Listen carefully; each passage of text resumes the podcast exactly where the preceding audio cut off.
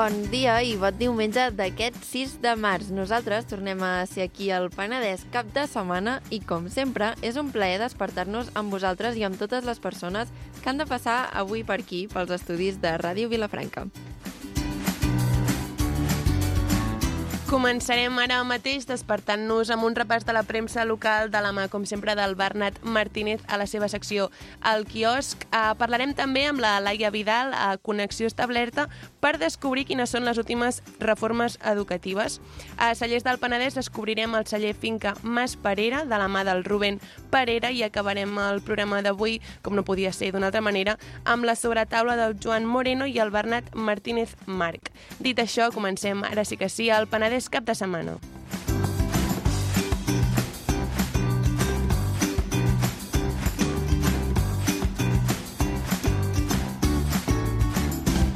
Penedès cap de setmana. El magazín dels dissabtes i diumenges a Ràdio Vilafranca.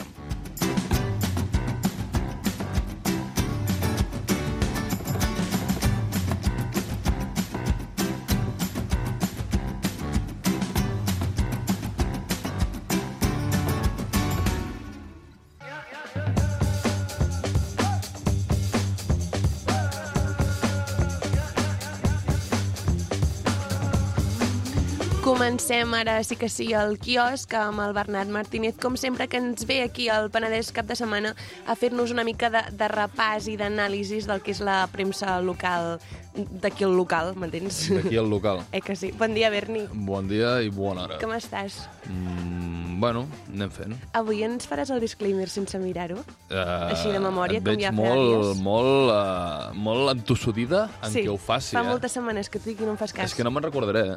Vull dir, mm, la, la veritat que jo si no... Bueno, si l'estic guardant, perquè Sí, no ho és veu, que des de la, casa no ho i veuen. la Judit està, fa una cara de felicitat com dient, no, s- Ha s'acomplirà arribat el dia. la meva proposta, A veure, deixa'm- la meva voluntat. Deixa'm mirar i l'Aina i jo revisem que ho diguis. Però que no Vale, ho diré sí, bé, sí, sí. ja t'ho dic ara. Bueno, mentre improvisis i no... No, no, ja no ho diré bé, no me'n recordo. Jo no oblido les coses al moment. Ah, però és curt. Sí, Sí. Sembla, sembla unes últimes memòries perquè està així com en, en cursiva. Exacte. Eh que sí que ho sembla? Sí, sí, És sí. com Vale. una cita. Doncs quan vulguis comença... No, in, intro. No, entra. Discli... Bueno, vinga, quan vulguis. Uh, dins disclaimer? Sí, dins... això. Ah, vale. Dins, això, això volia Vale. dir. Uh, estimat oient, aquí ve. Em dirigeixo a tu per dir-te... Ai! Malament. No és Ara me'n aquest recordo. verb, no és aquest verb. Bueno, no és igual. dir-te, Uh, és- estimat oient, em dirigeixo a tu per avisar-te Molt que bé. les, les següents minuts, Propers. els, els propers minuts, uh, estaran dedicats... Jo què sé, no me'n Però què recordo. dius? Ja m'he- Torna-li, torna-li, que ho està fent ja, malament. m'estic, ja és que no en tinc ni idea. Estimat oient, em dirigeixo a tu per avisar-te que els propers minuts escoltaràs certes afirmacions sobre certs temes que poden estar errades. Ara el Joan co uh, convulsiona perquè estic parlant molt ràpid i una cosa que sempre em demana és que parli molt lent. I Ah, sí? Tu diu això? No passa res, volem fer una pinzellada de la premsa comarcal, no una tesi doctoral De cada tema. Vale.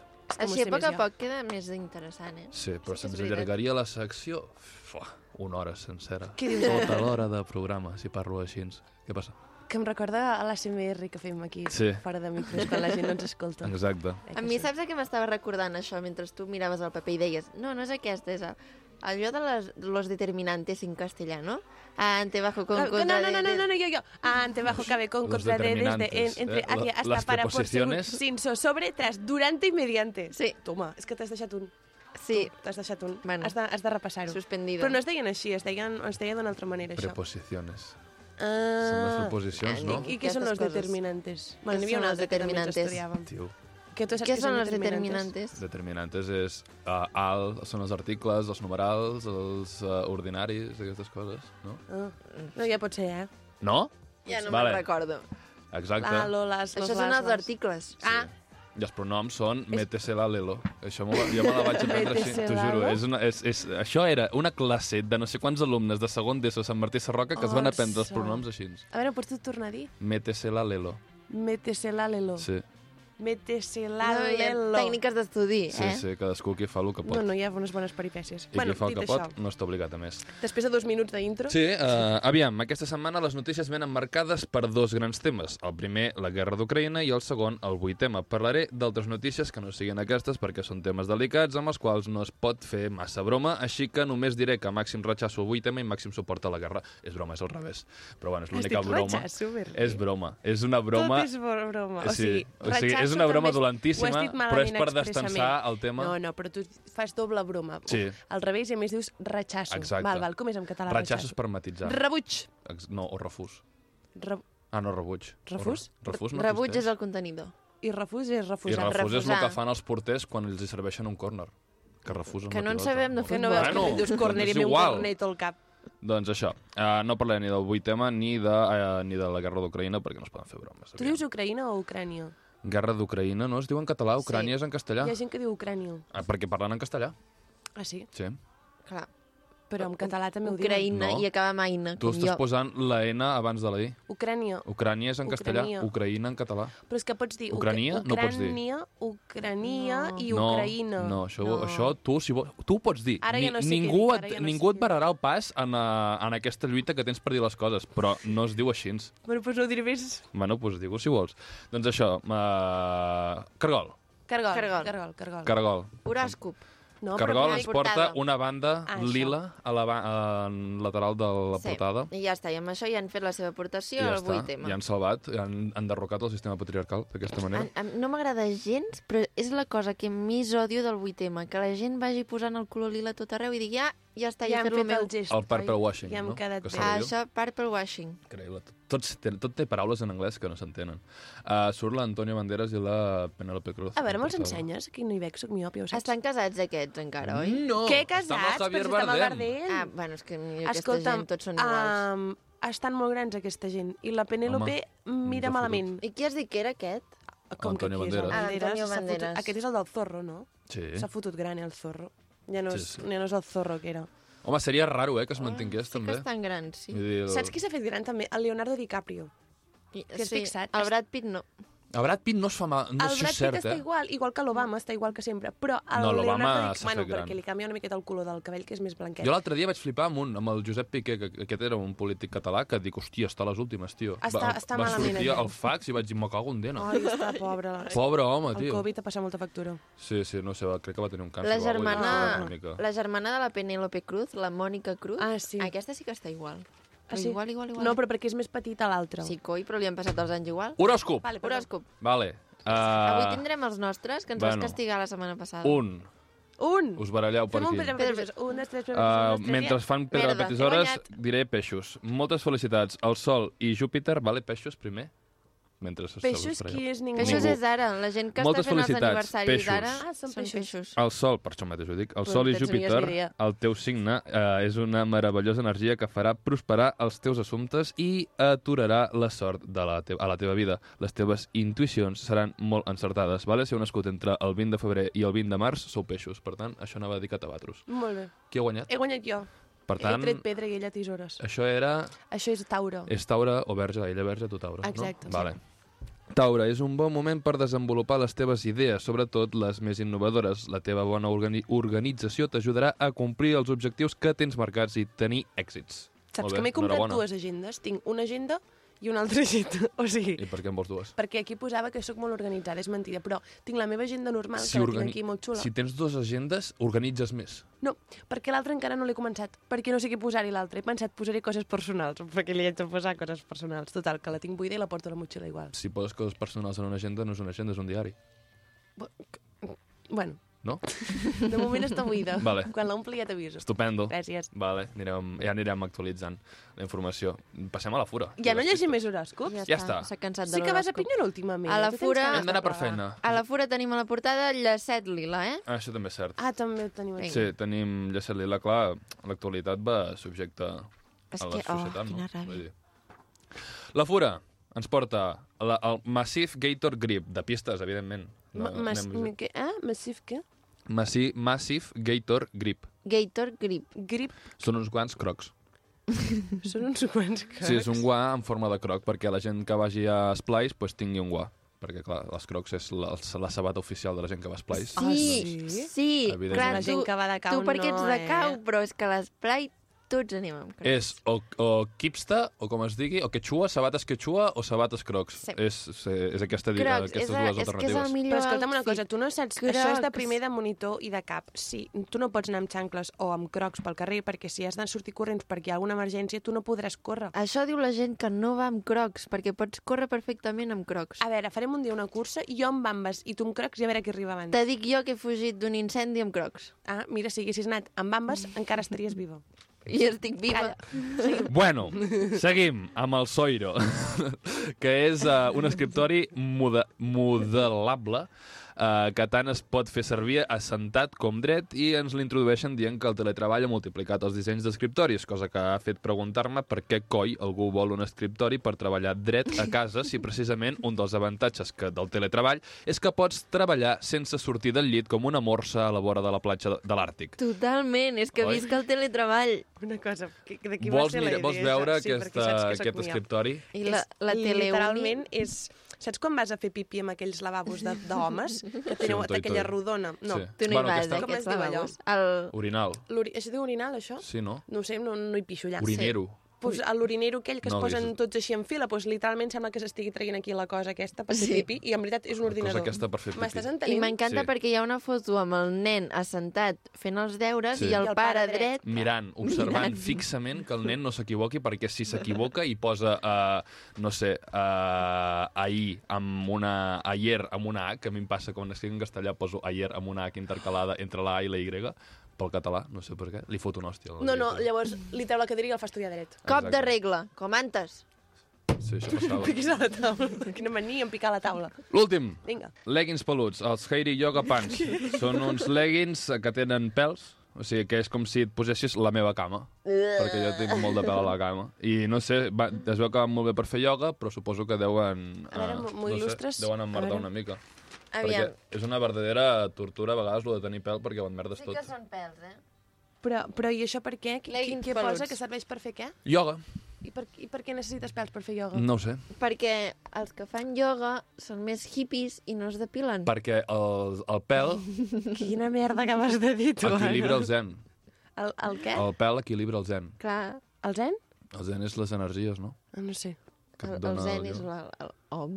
El, no, el, Va, no sé el com sacre. es diu. Aura. L'aura. Ah, l'aura. equilibrada pel pèl. Perquè si li no fa tens pèl, no s'equilibra tant. Va, no en tinc ni idea, la veritat. Per tant, passarem al tema de la setmana, que és clàssica en femení.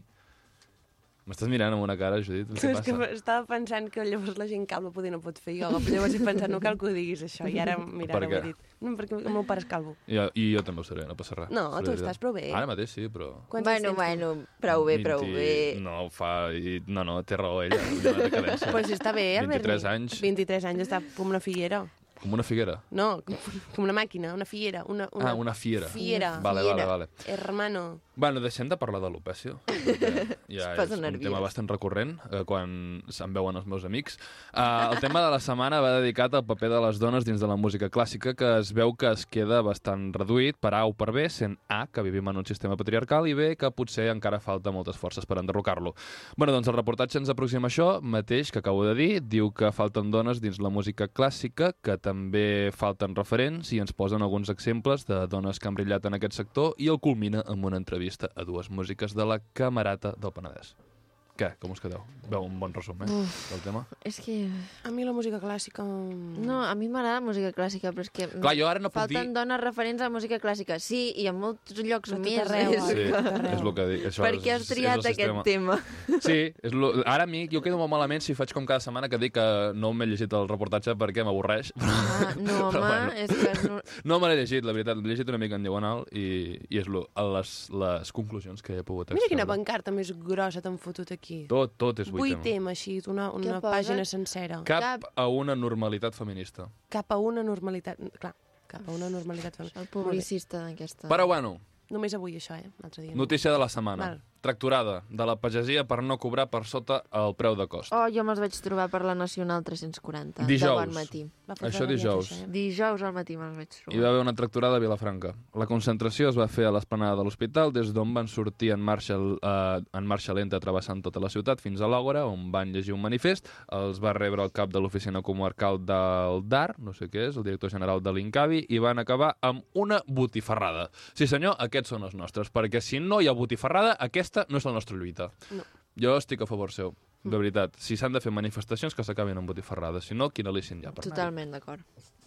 Uh, després, Josep Marrogat, de la Granada, responsable del sector vitivinícola d'Unió de Pagesos, va dir que al desembre-gener vam cobrar la liquidació de 2020 entre 18 i 28 cèntims. Unes liquidacions paupèrrimes, que deu ser l'única persona al món que fa servir l'expressió paupèrrimes. Què vol dir pauper? Pèssimes. Sí, segurament. Uh, haurien de ser com a mínim de 45 cèntims per no perdre-hi Ai. diners. Haurien de ser de 45 cèntims i van ser entre 18 i 28 cèntims. Les Fot, liquidacions. fot bastant cagar, eh? Sí, uh, sí, sí, de veritat. Jo penso uh, que fan una tracturada. Haurien de canviar els tractors. O sigui, el, el vehicle agrícola hauria de ser un tanc, llavors si fan una tancada, en comptes d'una tracturada, potser així I la s'aconseguirien... gent s'acollunya. Sí, una, miqueta, més, no? oi? Potser en comptes de pagar aquestes misèries pagarien aquí el que es mereix aquesta gent. Sabeu que hi ha tractors Porsche? En sèrio? Sí. Porsche originalment feia tractors. Però jo crec... Això pot ser. Però amb un bon pagès li dius o Porsche o John Deere i el tio diu John Deere. Sempre. Segurament. Sempre. Sempre anirà per John És Deere. el de confiança. Sí. Al final és... és... Va- Això dels tractors Porsche ho vaig descobrir al Foraster, el programa aquell que van anar aquí al Penedès. Sí, Mm. A la senyora que tenia el Paques, Mm. n'heu sentit a La parlar? setmana passada l'entrevistaven al 3 de 8. Sí, doncs aquesta senyora té tractors Porsche sí, sí. i el Paques. I què en fa dels tractors ports? Van més ràpid, tampoc han d'anar No, més es fa ràpid. servir per en- enredar els guiris i dir, vinga, anem a fer un tom per les vinyes. Clar, Però no i deu en- sortir Puja en com- aquest en tractor comptes- Porsche. En comptes de 20 euros la, la, el tom amb tractor, doncs te'n claven 100 i ja està. Exacte. I vas amb el tractor port, Mm. mm. ja té collons la cosa. Bueno, aquesta retallada de, de menys de 45, que paguin, que les liquidacions siguin de menys de 45 cèntims, té la seva arrel al 2018, que Freixenet Henkel, que són els més espavilats Oh. de la classe, eh, van baixar de 45 a 30 cèntims i tothom va anar al darrere. I És que s'hi va, eh? eh, s'hi va, apuntar, es va apuntar al carro. Però bueno, Boicot a Freixenet. exacte, el que diem. Canvieu els Es- tractors es per pot dir tancs això, i ja està. Bueno, no sé, aquí diem tantes coses que voleu, jo no sí, sé home, què s'ha de dir, què no s'ha de dir. és, és, sempre és una lla- ràdio lliure, Ràdio Vilafranca, excepte per, altres, per algunes coses. Uh, 35 joves saxofonistes i, trombist, i trombonistes I des, trombonistes. i trombonistes a les cabanyes. Bé, he copiat el titular... Uh, ah, no, l'he copiat molt bé. No, 35 jo, uh, joves saxofonistes i trombonistes a les cabanyes. Vale? Aquesta notícia és només per tranquil·litzar a la població de les cabanyes que un dia a la setmana senten un terrabastall que no saben ni doncs que si són sirenes de la guerra o que els estan bomba- bombardejant ja directament i ha arribat la guerra al Penedès. Uh, no, tranquil·litat, no és cap sirena, no són bombardejos, no ha arribat la guerra. Són uh, 35 alumnes de tercer i quart de primària que estan aprenent a tocar el saxo i el trombó en el marc d'un projecte per apropar els instruments de música a la canalla. Tanta gent d'aquesta edat hi ha a les cabanyes. Oi? Això també m'ha sorprès molt. Quan has dit 35 són 35 molts. nens? De, tres, de tercer i quart. Tercer, quart. Són molts. Les cabanyes, quan, quants habitants té? Molt No sé. pocs. Sí, A mi- és que a mi les sempre- Cabanyes és un poble que té els, els carrers Això anava a dir. amb el número. Sí. Carrer 1, 2, Però no estan 3, Però a més ordenats. no van per ordre, perquè Clar. tu vas al 34, al 12, al, al 2... Això i fa dius, molt poc bueno, de poble. Sí? Sí, home, evidentment. Ben, són un poble fake. I, I quins noms li vols posar tu als carrers? Doncs al Sant Martí tenim carrer de la Font. Per què es diu carrer de la Aquí Font? també Pues tenim perquè carrer hi ha una font Font. a dalt del carrer. Clar, però hi ha molts carrers... Aquí se li diu carrer dels Ferrers. Per què es diu carrer dels Ferrers? Pues perquè hi havia ferrers. En canvi, uh, uh, uh, Carrer 23. A les cabanyes, carrer 14. Per què? Perquè hi havia una Perquè persona que, cagarro. que esmorzava cagarros. Doncs pues no, evidentment, no és així. Ja, bueno, és... Ah. Persones importants. Pots posar... Bueno, res, segueix. O sigui, Torres i Bages era d'allà i no tenen ni el carrer Torres i Bages. És que fa de Crec poble que petit. sí que hi és, eh, Sí. aquest carrer. Torres i que Bages, és l'únic. a, a, la, a les cabanyes hi ha un, només un carrer que té un nom normal? Ah, Ho buscaré mentre aneu parlant d'una altra cosa. D'acord. Molt bé. Endavant. pues tanquem la fura i anem al 3 de 8. Som-hi. El diari de tots els penedesencs, en especial els penedesencs nascuts a Vilafranca del Penedès. Uh, L'any passat van morir 9 persones menys en accidents a la vegueria. És una notícia. Bueno, és que Ostres. si, si... Sí que hi és, eh, aquest carrer, carrer del Bisbe Torres i Bages. Sí, Sí. és l'únic que, no té, que no té número. No t'ho sabria assegurar, no Van sé tantes coses el- sobre les cabanyes. El pobre carrer número 23 va haver de canviar pel carrer Torres i Bages. Ara el Segurament. 23 no Home, té com no hi hagi representació. 23 i passem del 22 al 24, també em fotria això, Sí, eh? Perquè seria. fot un toc que no s'aguanta. Sí. Doncs això, uh, el 3 de 8 fa una... parla amplio i tendido, que no sé com es diu en català, ex, eh, que ample i, I extès? i extès, de la, el 8 tema i de la guerra d'Ucraïna, amb testimonis... Ucran... No, testimonis tampoc, perquè són ucranians, que... U... ucranians, si ho he dit bé. Ucraïnesos. No, jo crec que es diu ucranians. Però en Molt, canvi és. Jo ja hem tingut aquest debat al principi. Bueno, Ucranians, que no viuen crec. al Penedès i també pues, uh, parla de, sobre el 8 tema. Uh, però jo n'hi parlaré d'això, ja ho he avisat. I us, uh, la primera notícia que he destacat, o que he volgut destacar, és que l'any passat van morir 9 persones menys en accidents de trànsit a la vegueria. Uh, fet que té prou mèrit i diu molt de la traça dels penedesencs per reconduir situacions de risc, ja que tan sols a la carretera de Pacs 11 morts són els que ja hi haurien d'haver d'haver hagut en el que portem d'any, tal i com condueix la gent que no té cap mena de seny. Vale? Això us Però- dic com a testimoni de conductor recurrent de la carretera de Pacs. Jo també sóc recurrent d'allà. No, jo no. Escolta'm una cosa, però Hola. això, això que dius de que menys que l'any passat, Del 2021. clar, però, però del- d'aquest any no pot haver-n'hi més. Exacte. Però jo dic que ja n'hi hauria d'haver hagut. Ah, n'hi hauria d'haver hagut. Això és un... Sí, n'hi hauria ja d'haver hagut. Clar, sí, n'hi hauria. Això els nostres oients que no passen per la carretera de Pacs no ho entendran, però No ho els que són uh, assidus de la Sí. carretera de Pacs sabran del que estic parlant perquè és la carretera dels locos. A la carretera de. Pacs hi ha el moment del, del Seda Sí. cap a Guardiola. Allò és terrible. Eh? És terrible, Sí. perquè sempre vas superembalada i de No. cop dius, hòstia, curva! La pitjor de tota, hi ha dos llocs que són crítics. Una és abans d'arribar a la rotonda de la residència de Pacs i l'altre lloc crític és abans d'arribar a la rotonda d'entrada de Vilafranca. Aquests dos llocs, allà, és, allò és conflictiu. Allò ja, sí, no, No. de veritat. Jo és, és per és el- aplaudir els conductors d'aquella carretera perquè no, cada any no hi hagi una massacre de gent allà. Sí, però com la sortida de Guardiola, res. Sí, allò també és fotut. I una vegada vaig derrapar entrant allà. Veus? És que Però jo- perquè plovia jo molt i cops. sí, és bastant... Sí, és complicat, però bueno. És una ressante d'aquestes. Sí, això sí. com, et, com et quedes? És que la, la Judit és- no condueix Exacte. gaire, Jo llavors és no que ho condueixo molt entenc. Sí, malament. és, ella ho estava no. mirant com... No. No, mi Guardiola no sé on és Guardiola. No surts de. Vilafranca no, mai, No, sé tu ets jo. molt... Sí, sí. No condueix aquesta dona. No. Uh, segona notícia que vull destacar del 3 de 8 és que detenen el regidor penedesenc Isaac Ruana pels talls de la Junquera. El dijous els Mossos es van, es van presentar a casa del regidor de la CUP a Sant Pere de Riudevilles, Isaac Ruana, uh, però com que s'estava fent càrrec d'una menor, és a dir, la seva filla, van deixar que ell mateix s'entregués uh, més tard a la comissaria de Vilafranca. Després de desobeir cinc vegades uh, les citacions per declarar pels talls de la Junquera de Tsunami Democràtic. Com sempre, màxim ratxasso Ratxasso, altra, altra ratxasso. vegada, ratxasso eh, la repressió espanyola, no s'ha de normalitzar mai, i culminaria aquesta notícia amb dues paraules que sintetitzen molt bé el refús cap a un estat d'herència franquista i, i cultura repressora com és Espanya, però malauradament no puc. Així que finalitzaré aquesta intervenció amb una pregunta força mundana i és que si sabeu què passa si us tireu un rot després de menjar fabada asturiana, que és un dels plats més insignes de la gastronomia espanyola. Què pot passar? Què pot sortir malament? Doncs que si tires un rot després de menjar fabada asturiana, el teu alè, put, fa pudor, pudeix, put a Espanya. Saps? Uh, seguim. Uh, coses realment importants. Dos últimes notícies molt breus i mm, realment importants, que és que la Carme Pros de Sant Cugat Ses Garrigues ha fet 100 anys. I la Maria Cazorla d'Olèrdola també. Per molts anys aquestes dues Home, i anem a per 100 Moltes més. felicitats! Més, més. Et desitgem, Desitgem, Maria Maria i... i- Carme. Carme, Happy Moltes felicitats! Uh! Bravo. Molt bé. Que siguin 100 més. Exacte, això és el que vull dir. Bueno, ves, ves quina putada, eh? És, també també, t'ho dic, també també tens raó. I bueno, de ports, la setmana, pas la setmana passada Ah, la Martinenca. no va haver lliga, Oh, carnaval, clar, és veritat. tinc un pollastre ara aquí al coll. Deixa'l, deixa'l anar Sí. aquí. Uh, I ja està, aquesta setmana sí que juguen, per tant, aviam com va. A Ja- veure, ja ens diràs com va, doncs. Exacte. Molt bé, doncs a l'espera d'aquests resultats acomiadem ja el Bernat, el deixarem aquí i t'esperem... deixareu aquí? Sí, el deixarem Sí. aquí, nosaltres Em tancarem la aquí? porta i marxarem. Vale. Sí. Uh, Berni, ens trobem la setmana que ve i ja ens explicaràs més cosetes. Moltes Encantat. gràcies. Vinga, vagi bé. Adéu. I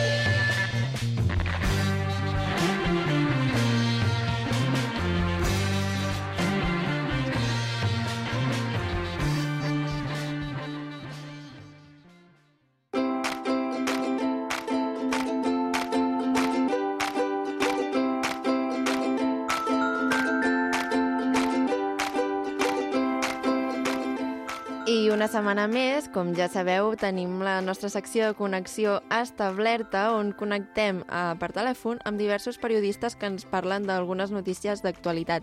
Avui connectarem amb la Laia Vidal des de Sant Boi de Llobregat per parlar-nos d'un tema que segurament heu sentit molt a parlar eh, últimament. Bon dia, Laia. Bon dia. Aviam, explica'ns de què ens parlaràs, Laia. Bé, doncs com que no parem amb el tema de l'educació no paren de sortir decrets, no paren de sortir mogudes vàries. Avui tornem amb el català a les escoles. Um, I aquesta sentència que, ha sortit, que va sortir al gener sobre l'aplicació del 25% d'hores en, en castellà a les escoles de Catalunya. De fet, ara mateix hi ha, hi ha 35 centres on, on com a mínim un grup ja aplica aquest 25% a, a, a les escoles. I bueno, és una cosa que, que clar, jo vinc d'on vinc, no? Vinc del Baix Llobregat, llavors a mi aquesta, aquesta, aquesta sentència em crea bastanta... O sigui, em sembla quasi insultant en el sentit de que tu, si tu intentes tenir com un, una conversa uh, tant quan jo anava a l'institut com, com ara si vas a comprar o el que sigui, uh, la llengua d'ús natural és el castellà. I jo no m'he trobat mai ningú que, sigui, que no sigui capaç de respondre't en, en, en, en castellà, no? Clar, um, Llavors, venim... bueno, per aquí dalt, pel Vallès, no sé com... Ai, pel Vallès, pel Penedès, no sé com... com... Disculpeu, eh, que vinc de l'Autònoma, llavors estic... estic uh, no, no geolocalitzada. Um, doncs això, que no sé com pel Penedès com, com, com ho rebeu, si ho veieu amb una altra perspectiva. Sí, nosaltres al, al Penedès sí que és veritat que hi ha molta més gent de parla catalana habitual, molta més que a les zones del Llobregat o potser de, fins i tot Barcelona. Aquí al Penedès podria dir que la majoria de gent uh, parla català, a les escoles tothom parla català, llavors és una mesura que potser aquí s'ha rebut més malament per aquesta obligatorietat d'incloure més el castellà quan en teoria ja es, ja es fa castellà uh -huh. a la secció que toca. Sí, jo penso que al final aquí al Penedès tothom a les escoles o la majoria parlen en català, però dubto que algú no et sapigués parlar en castellà. Suposo que per això... Ens... Bueno, clar, clar. con este acento que tenemos clar, evidentment ens sortirà, ens sortirà l'accent, però perquè és que això, vull dir, al final jo ara bueno, mateix però clar, vull dir, clar, vull dir, i una persona d'Argentina també tindrà la seva pròpia dicció, per tant, vull dir, això em queda molt a fora però e, és qüestió de si som competents o no som competents. No? Exacte, a mi potser I, em preocupa... I sovint hi ha un problema més en competència d'en català que no pas en castellà. A mi potser em preocupa oh, més que es perdi el català a les zones on normalment no es parla català ja, que, uh. -huh. que el fet aquest de que, mira, pf, jo què sé, si ens obliguen, doncs mira, un 25% en castellà, però que les zones on ja costa que et parlin català, que encara els hi treguis més el català, em costa. Clar, clar, de fet el govern, el decret, l'últim decret que ha fet sobre, sobre aquest tema, doncs demanava això, que s'ajustessin els percentatges del català segons el context del centre. I amb això, fins aquí, estem d'acord. Vull dir, de fet, eh, és un, és un fet màgic perquè quan va sortir la sentència eh, es demanava que a partir del dia 20... O sigui, del, des del 21 de gener, dos mesos enllà, entrés en aplicació aquesta sentència, però, però Educació no ha explicitat si acatarà o no aquesta sentència i tot i que el dia 23 d'aquest mes, ja, de, de març, hi ha, hi ha vaga, hi ha una vaga convocada per aquest tema, i tot i que el, el govern sí que ha notificat aquesta recepció, per tant, és coneixedora i ho ha confirmat, um, diuen que el Departament d'Educació és qui es farà responsable de complir aquesta sentència, però no ha dit ni si la, ni si la farà complir o no als centres, ni, ni com anirà. Vull dir que això és una mica un show, no? Perquè al final, vull dir, anirem fent, que, que és una mica com, com va tot. Exacte, hi ha una vaga pel tema del català i hi ha vaga també prevista pel tema de la jornada intensiva i el setembre, oi, Laia? Sí, sí, sí. Bueno, és que ha, passa una mica que, que és com que hi ha al volant. O sigui, no paren, no paren, no paren de, de, de canviar coses en l'educació i, i està bé, perquè sempre està bé canviar, però canviem-les amb una mica de sentit i amb una mica com de, de, de poc a poc i bona lletra, no? I ara, per exemple, el, el tema de la jornada intensiva ja es vol fer a partir de l'any que ve. De fet, tots els instituts i escoles ja la fan O sigui, la majoria d'instituts d'escoles ja la fan i ara la volen fer per tothom. El que passa és que canviar-ho de cop és una mica contraproduent, sobretot perquè les famílies ja estan acostumades a aquests horaris. Els alumnes, que al final, al final de tot, són els principals protagonistes, ja estan acostumats, sobretot a la secundària, eh? estem parlant de la secundària, eh, normalment es fa una jornada de, de 8 a 2. Clar, mm, la justificació és que de cara als al- a l'alumnat seria més, benef més beneficiós per a ells no estar a les 3 o a les 4 sols a casa dinant sols. I això doncs, té sentit potser pels alumnes de primer o de segon d'ESO, que són alumnes de 12-13 anys, i d'acord, potser són massa petits com per estar dinant sols a casa, no ho sé, però més enllà d'això, tenim alumnes de tercer i quart que perfectament poden dinar a les 3 sols i no passa res. I, i el que veig, veig més complicat és, és de cara als professors, perquè els professors ja ara, estic parlant de la pública, eh?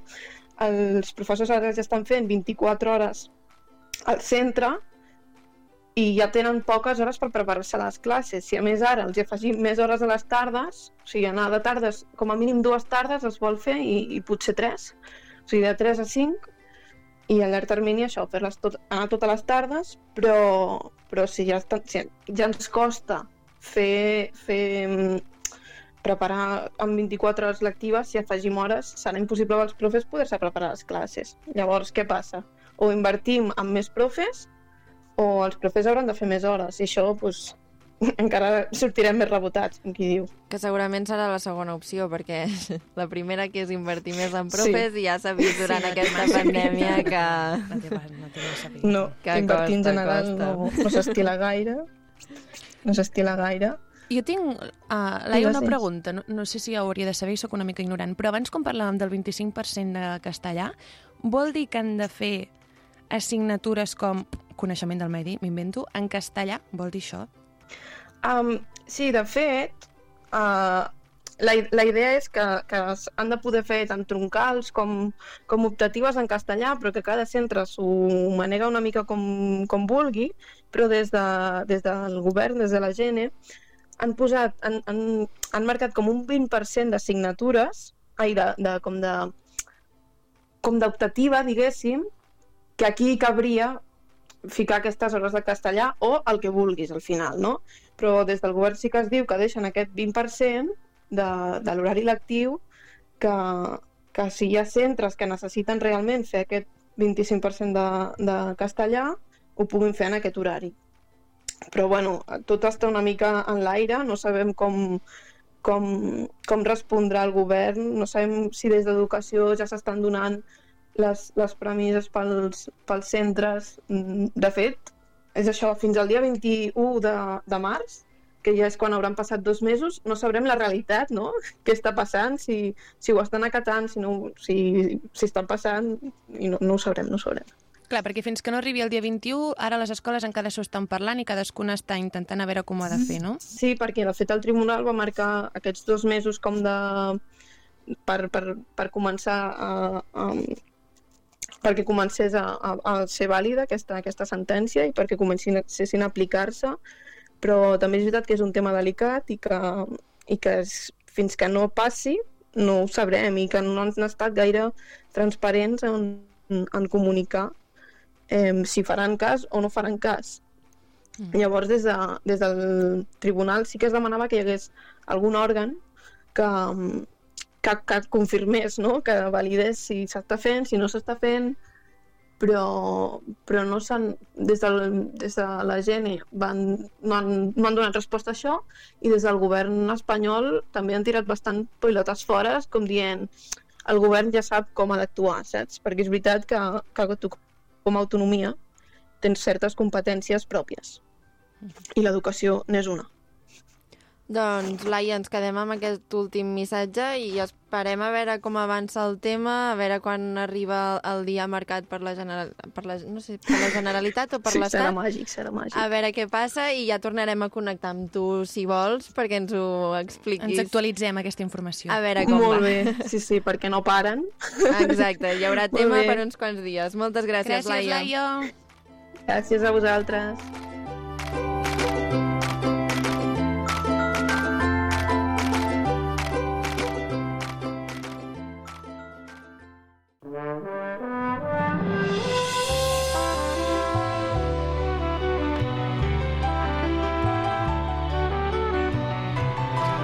Penedès estem envoltats de cellers i de persones que ens enriqueixen aquest territori. Cada diumenge, com ja sabeu, rebem un celler diferent per poder descobrir la seva història i qui són les persones que s'amaguen darrere dels seus vins i dels seus escumosos que elaboren. Avui tenim als estudis el Rubén Parera, del celler Finca Parera, ubicat a Sant Llorenç d'Hortons. Bon dia, Rubén. Bon dia. Dic Rubén així molt exagerat, perquè aquí fora de micros ara el Rubén ens explicava que hi ha molta gent que li diu Ruben, i, i no és Ruben, és Rubén. És Rubén, amb, amb accent obert i ben obert, perquè Ben es obert. quedi ben diferenciat. Llavors jo aquí a l'ordinador m'he apuntat Rubén amb majúscules i tres es amb, accents, amb tres accents oberts, saps? Perquè no hi hagi, no hi hagi confusió. Uh, Rubén, uh, et faig una pregunta així per començar. Um, quins són els orígens de la finca Paredo? És ben senzill. Nosaltres, eh, en comptes de dir-nos celler parera, vam dir finca, perquè som agricultors des de la quarta... Jo, jo seia la quarta generació. Llavors el meu besavi, el, l'avi- el besavi Faust, va començar a ser pagès. El meu avi va ser pagès, el meu pare és pagès i jo sóc pagès. I d'aquí, doncs, el nom de Finca Parera, d'aquí els orígens de l'agricultura. Nosaltres fins ara no havíem fet mai vi. Havien sigut pagesos rasos 100%.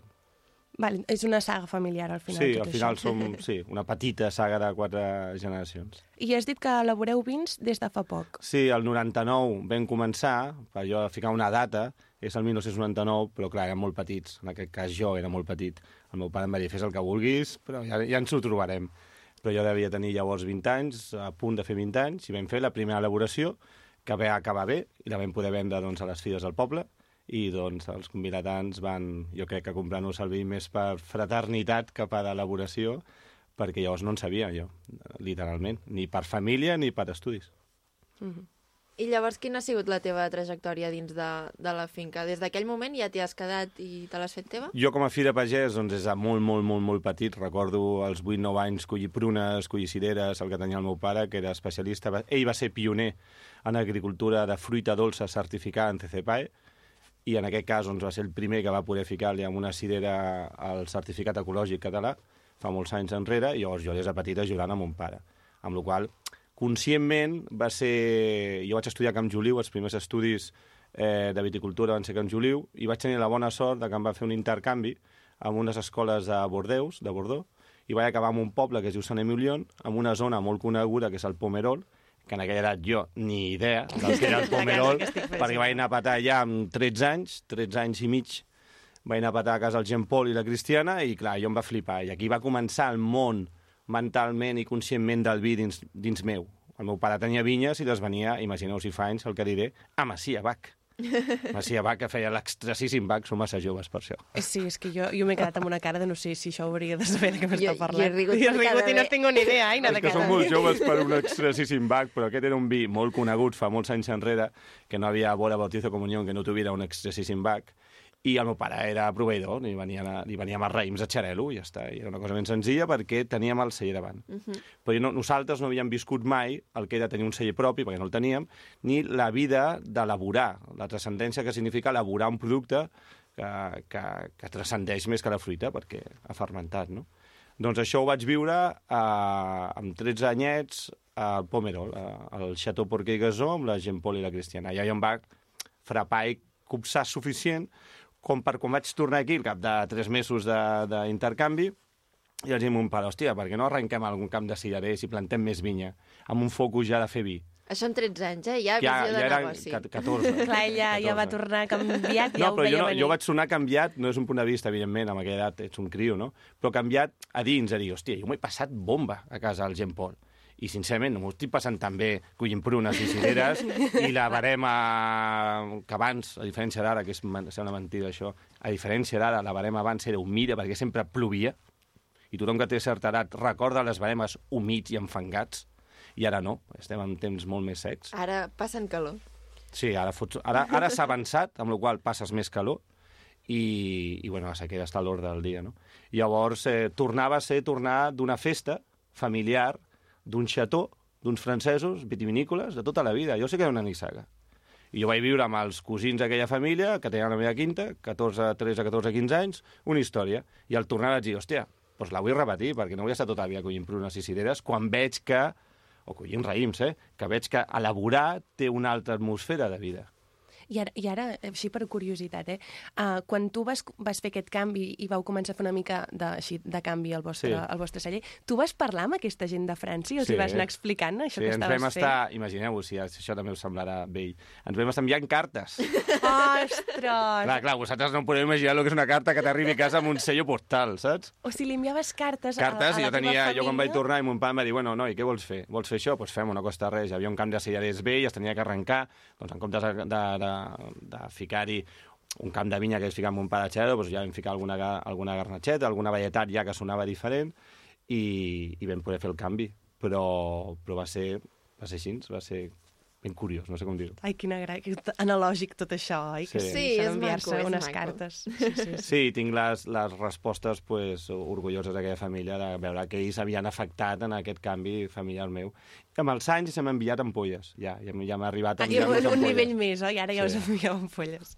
Um, a, a la vostra pàgina web expliqueu que practiqueu una agricultura biodinàmica. Uh Mhm. -huh. Això per la gent de casa, ens ho pots explicar exactament què vol dir, en què consisteix? Ràpid no serà, però intentaré fer-ho. Bueno, en el tu, sentit, en el si no, sentit ja et pràctic, tallaré. explicar la biodinàmica com a agricultura i com a praxis tècnica i filosòfica del que és no és fàcil amb, amb un ratet, perquè té praxis i filosofia. La filosofia, només deixem aquesta paraula a l'aire, la filosofia és una branca que es diu antroposofia, i d'aquesta branca el que busca l'agricultor és ser més feliç, amb una sèrie de tècniques, que és la praxis que aplicarem al camp. O sigui que tothom ha de tenir clar que l'agricultura biodinàmica penja d'una arrel filosòfica que després potser algun dia algú estudiarà això, és donar compte que aquest senyor va crear les escoles Waldorf, on es fa una educació lliure. I és el mateix creador de l'agricultura biodinàmica, Rudolf Steiner. I el seu deixeble Waldorf, les escoles Waldorf. Sigui que no és tan tan llunyà a una filosofia per buscar una vida més feliç, si era canalla, si era agricultor. Però en- ens centrem-nos només en la praxis d'agricultura biodinàmica, és una ciència empírica, que et diu com has de fer algunes praxis a la vinya, com has de podar, quan has de remenar un compost, com has de tractar doncs, algun fong per lluitar contra ell o, algun, o incentivar que hi hagi un altre tipus de vitalitat a la vinya. És una sèrie de tècniques per poder fer del teu cultiu, parlem de vinya perquè estem parlant de vins, però del teu cultiu un cercle holístic tancat, molt més viu i molt més eh, vital que el que estem fent com a agricultors. Jo soc enginyer agrícola, o sigui, d'agricultura representen que en sé com a enginyer. Però el que ens han ensenyat és a produir el màxim que puguem, explotant el màxim de terra i fent una mica el contrari, que és un cicle tancat. O sigui, extraure en comptes. Eh, de, de, d'incloure. I l'agricultura dinàmica el que busca és un cercle viciós tancat, com és la vida, que tot es transforma, i que tu siguis part participar tècnica, tècnicament parlant. No que tu miris perquè és romàntic parlar-ho, sinó que tu miris perquè activament hi ets en la variable d'equació. I llavors faràs una sèrie de tractaments i una sèrie de- d'elaboracions i una sèrie de calendaris i una sèrie de feines, com quan jo feia enginyeria, una sèrie de càlculs, doncs una sèrie de feines que estan ordenats per aquesta tècnica d'agricultura biodinàmica. I, I per no allargar-me, només ficar un exemple. Una cosa és famar una vinya, anar a un lloc on hi hagin animals que la seva femta la portis cap, al, cap, a, cap a la vinya i aquella femta, doncs, amb nitrogen i altres elements, enriqueixi el sol, i l'altra cosa és fer el compost d'aquella femta a través d'un- d'una fermentació biodina- biodinàmica. Canvies, parlant en plata, la merda que arriba dels animals cap al camp, la canvies i allò ja no és merda, sinó allò ja és un compost ple d'humus, que és una molècula especial que alimenta el terra d'una forma diferent. I això només ho aconsegueixes fermentant merda, imagina't. Si sona malament, i alhora fermentar merda és la cosa més natural que hi ha si tens animals, i la seva femta s'han d'organitzar. D'acord? O sigui que això seria només una forma de fer agricultura dinàmica. No famem, sinó compostem, fermentem, i aquell final, aquella transformació, l'enviem al terra per nodrir el terra de forma diferent. Com a, com a element, eh? Només. Vale, i aprofitant que has dit que ets enginyer, Mm. enginyer, com, com es diu? Enginyer agrícola. Hi ha Agrícola. enginyers agrònoms Sí. i enginyers agrícoles. No és contradictori una cosa amb l'altra? Totalment. I què en penses? Per això, quan he dit que, per això t'he dit que era una ciència empírica, no quantitativa qualificativa. En el sentit pràctic, Sí. la biodinàmica no es pot agafar i dir quants nitrats té el sol a través d'aquesta praxis biodinàmica, quants eh, Clar. carbonats té el sol, quina estructura, quina quantitat de mil·ligrams per litre té... No, això no ho podem fer mai. Hi ha una sèrie de càlculs més pròxims a l'enginyeria, que són les cristal·litzacions, que això és un altre nivell que avui no cal, en el sentit... No, vull dir que estic Sí, fotent no un rotllo no. que ja no sé, No, no, sé ja com sortir-me'n. Però vull dir que les cristal·litzacions intenten anar a buscar la ciència eh, pràctica quantitativa i acabant traient un anàlisi, un resultat que digui aquesta cristal·lització diu tant, que és el que tots els enginyers volem, miligrams per litre, mil·lisiemens per segon, analítiques de ciència, no? Mm. I és veritat, no és així l'agricultura biodinàmica, però sí que és empírica. Hi ha coses que succeeixen, que no tenen una explicació quantitativa, però succeeixen sempre. I sempre es repeteixen. Llavors, això també és ciència. Quan algo s'ha demostrat de forma repetitiva que succeeix, és ciència, perquè es demostra de forma empírica i repetitiva. I aquí l'agricultura biodinàmica té moltes coses a dir. D'acord? Llavors, jo sí que em sento en contradicció, perquè tinc una mentalitat una mica cartesiana, i alhora tinc una mentalitat d'aquest caire més empíric, i, bueno, em- marejo com tants sers vius es mereixen les seves contradiccions. Bueno, treus lo, lo millor de cada cosa. Espero, no ho sé, però sí ho espero. Tu, tu quan jo li he fet aquesta pregunta tampoc esperaves tantes tec tecnificacions, oi? Sí. Perquè m'he enterat de la meitat No. de totes les coses. I que això que consti que he intentat no ficar cap tecnicisme, eh? Clar, és que jo abans de que arribés aquí ja li he dit, escolta'm, no, no m'ho posis gaire difícil, això, i ara jo no sé què per segon... Bueno, molt bé, més o menys jo crec que ja ho hem entès, que és això de l'agricultura biodinàmica, ho podem, ho podem deixar fin, a- aquí. Finiquitat. Sí. Et sents real, realitzada, oi? Sí, perquè jo quan li he fet aquesta pregunta no esperava que m'expliqués tantes coses i tan ben explicades. Llavors, um, sí, Concentra't. Eh, Sí, és, és que m'ha acabat parlant de merda, a més a més, i estava pensant tot això. Està molt bé parlar de merda i l'agricultura biodinàmica. Va Sí, molt lligat, va tot- molt. Més del va que tot et pots molt imaginar, sincerament. Clar, és que jo ara, la meva següent pregunta que tinc aquí preparada és, és que t'aneu a preguntar què és el més important per vosaltres a l'hora d'elaborar un vi. La merda. Però clar, ja, ja quasi que ho tinc mig Ho respost. podríem arribar a lligar, eh? A veure, mira, fem una... vols que t'ho pregunti com si no sapiguessis que t'ho vaig a preguntar i em coles la merda per allà al mig? Te la colaré segur, la merda, ja Mira, veuràs. doncs et vaig a fer una pregunta, que és, per elaborar un vi, què és el més important per vosaltres? Ara hauria de contestar la merda, no? Has de fer com que no es noti, No, no, o sigui, aquest, aquest, aquest títol no el puc dir, no? Per elaborar vi, què va dir Rubén Perea? Doncs que la merda és el més important. Que- No, clar, No, però sí que per lligar-ho, i, i ja que estem amb la broma d'això, sí que és veritat que si per elaborar un vi el més important, evidentment, està molt esgotada aquesta frase, és el raïm, i el raïm, i el vi es fa 100% a la vinya, i amb un raïm 100% bo eh, fas un gran vi, si això ja està esgotat, perquè tots estem d'acord, està esgotat perquè estem d'acord, ho giraríem sense ja anar a buscar el link de la merda. Ho giraríem dient, si realment la vinya, que és el més important de tot el cicle, eh, fa el 100% de la qualitat, llavors què fem els bodeguers? Fem el 101. El 101 no existeix. El, el, el concepte qualitatiu existeix en el 100% i llavors tu, com a bodeguer, com a anòleg, què fas? Doncs potser la cagues. I ara ja lliguem, lliguem amb la merda, potser la cagues i fas un 99% d'aquella qualitat. Si cagant-la només has cagat un 0,1% de, de, de, de fracàs, collons, si això fos una carrera tindries una matrícula d'honor. Clar, ja surt a compte igual. Aquí vaig anar, a aquí vull anar a patar. Cagar-la és el concepte de que la vinya ho fa al 100%. I és cert, el raïm 100% bo només pots fer 100% grans vins. I el raïm 100% excel·lent fa 100% grans, excel·lents vins. Què fa la Nola? Què fem llavors quan rebem els bodeguers aquest raïm 100% perfecte? Ningú fa el 110%, no existeix aquesta idea. Què fem? Cagar-la poc. I els que la caguem poc som els grans anòlegs. Clar, per tant, com menys la caguis, millor surt. Sí. Que és una manera de Sí. El mateix, però al revés, no? Sí, però és molt important perquè jo el que fiques a la mentalitat de l'anòleg, que això més un estarà en compte de mi mateix, també em vaig llicenciar en enologia a l'URB. Vull dir que podem discutir-ho... coses, oi? No, però podem discutir-ho amb un altre anòleg, perquè un anòleg em dirà, Rubén, que el que acabes de dir és destrossar el que hem estudiat tots, que és millorar els vins. I no, jo no estic d'acord amb això. Un anòleg no millora. Un anòleg la caga tan poc que no, ho desas... no, no, no, no fa un desastre d'aquell gran raïm. I si la caga poc, sincerament, ja és un gran anòleg, perquè si féssim una, una escala de l'1 al 10 i fas un 9,8, quan jo estudiava era un excel·lent, perquè si fas un 10 és un matrícula d'honor. I qui fa un 10 a la vida? Clar, ningú. Doncs llavors, sigues feliç fent un 9, Ostres, què, què, et sembla aquesta reflexió? Estava pensant que es pot aplicar a, A moltes tot, altres coses, a tot, no, això? A tot, o sigui, a mi m'agrada molt això de, de que la vinya ja t'ho dona al 100% i que la idea és conservar al Sí, màxim conduir. aquest 100%. Sí, el màxim que puguis, si saps que hi haurà errors, que la vinya potser no haurà fet perquè no té la mà de l'home, i tu en la mà de l'home hi haurà errors. Hi haurà diumenges que no te llevaràs a fer l'analítica que toca. I per ja què? està. Perquè ets un home i vols estar en família, vols descansar i la vida no espera. I l'hauràs ja cagat aquell dia. Però no passa res, l'hauràs cagat amb un 0,02%. Clar, encara tens més diumenges per, per, Bueno, poder, tot. per poder anar fent analítiques, oi? És que quan has dit analítica pensava que anaves a punxar-te, imagina't. Bueno, um, Aina, et toca, et toca a tu fer-li una pregunta. Sí. Quins trets diferencials tenen els vostres vins respecte als de la competència? Què diries que us fa diferents?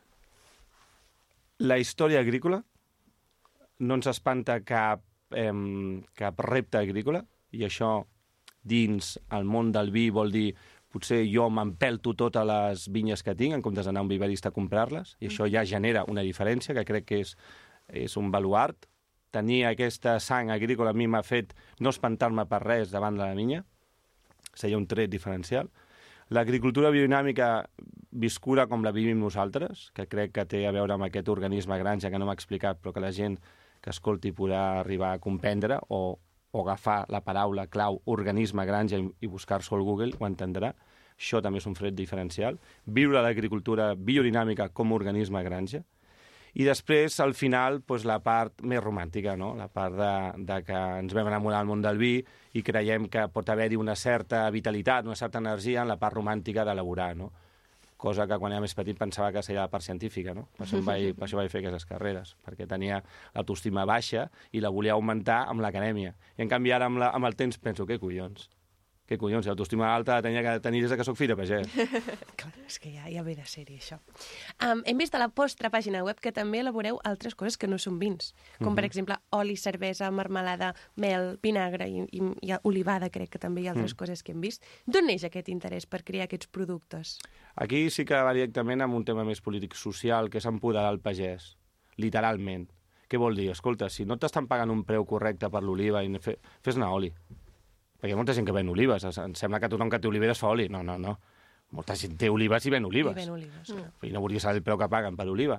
Llavors, fes-te l'oli, que tindrà més valor. Si al final doncs, eh, tens cireres, en aquest cas, o tomàquets, una malmada de tomàquets, i els tomàquets s'estan passant i estàs perdent valor, i tota aquella feinada, en aquest cas el tomàquet és més curta, perquè no és anual, és, és, és de primera d'estiu, però igualment has perdut sis mesos i no has col·locat els tomàquets i estàs perdent el valor, t'estàs tornant loco i amb un agroestrès que no té sentit, fot malmelada que es conservarà tota la vida. I llavors això t'empodera, vale, ja no corres a malvendre tomàquets. Elabores malmelada i llavors que t'esperin sentats. I això et dona poder. Ah, Imagineu-vos que fóssiu vosaltres, et dona poder, perquè no vas darrere a ningú venent a la, eh, material fresc. Això en el món del vi és molt evident, tothom fa vins. Clar. Per què? Perquè raïm té una setmana de pèrdua de frescor, ja no en pots fer bons vins. Tots correm a collir i a portar-lo on toqui, el millor client que tinguis, a la cooperativa, al cavista, a la teu propi celler, però és un marge molt petit la frescor d'una fruita. En canvi, quan elabores, el fermentat de qualsevol història queda, eh, queda com una fotografia molt més eh, constant. I llavors pots estar més tranquil. Sincerament, quan acabem la barema i tenim el vi tancat, ja m'és igual tot a mi. Perquè jo sé que el vi el tinc tancat amb una tina i aquí l'haig de cagar molt, eh, perquè se me'n vagi. Clar, aquell diumenge ja, si no t'aixeques, sí que no passa Pues res. amb els fructes a la terra passa el mateix. Al final, fer mel té molt de poder. Fer marmelada té molt de poder. D'acord? I això té a veure amb aquest caràcter de pagès, que sí que ens diferencia, penso, i que volia empoderar i, i, i, i oferir com a, com, a, com a solució, no sé com dir-ho.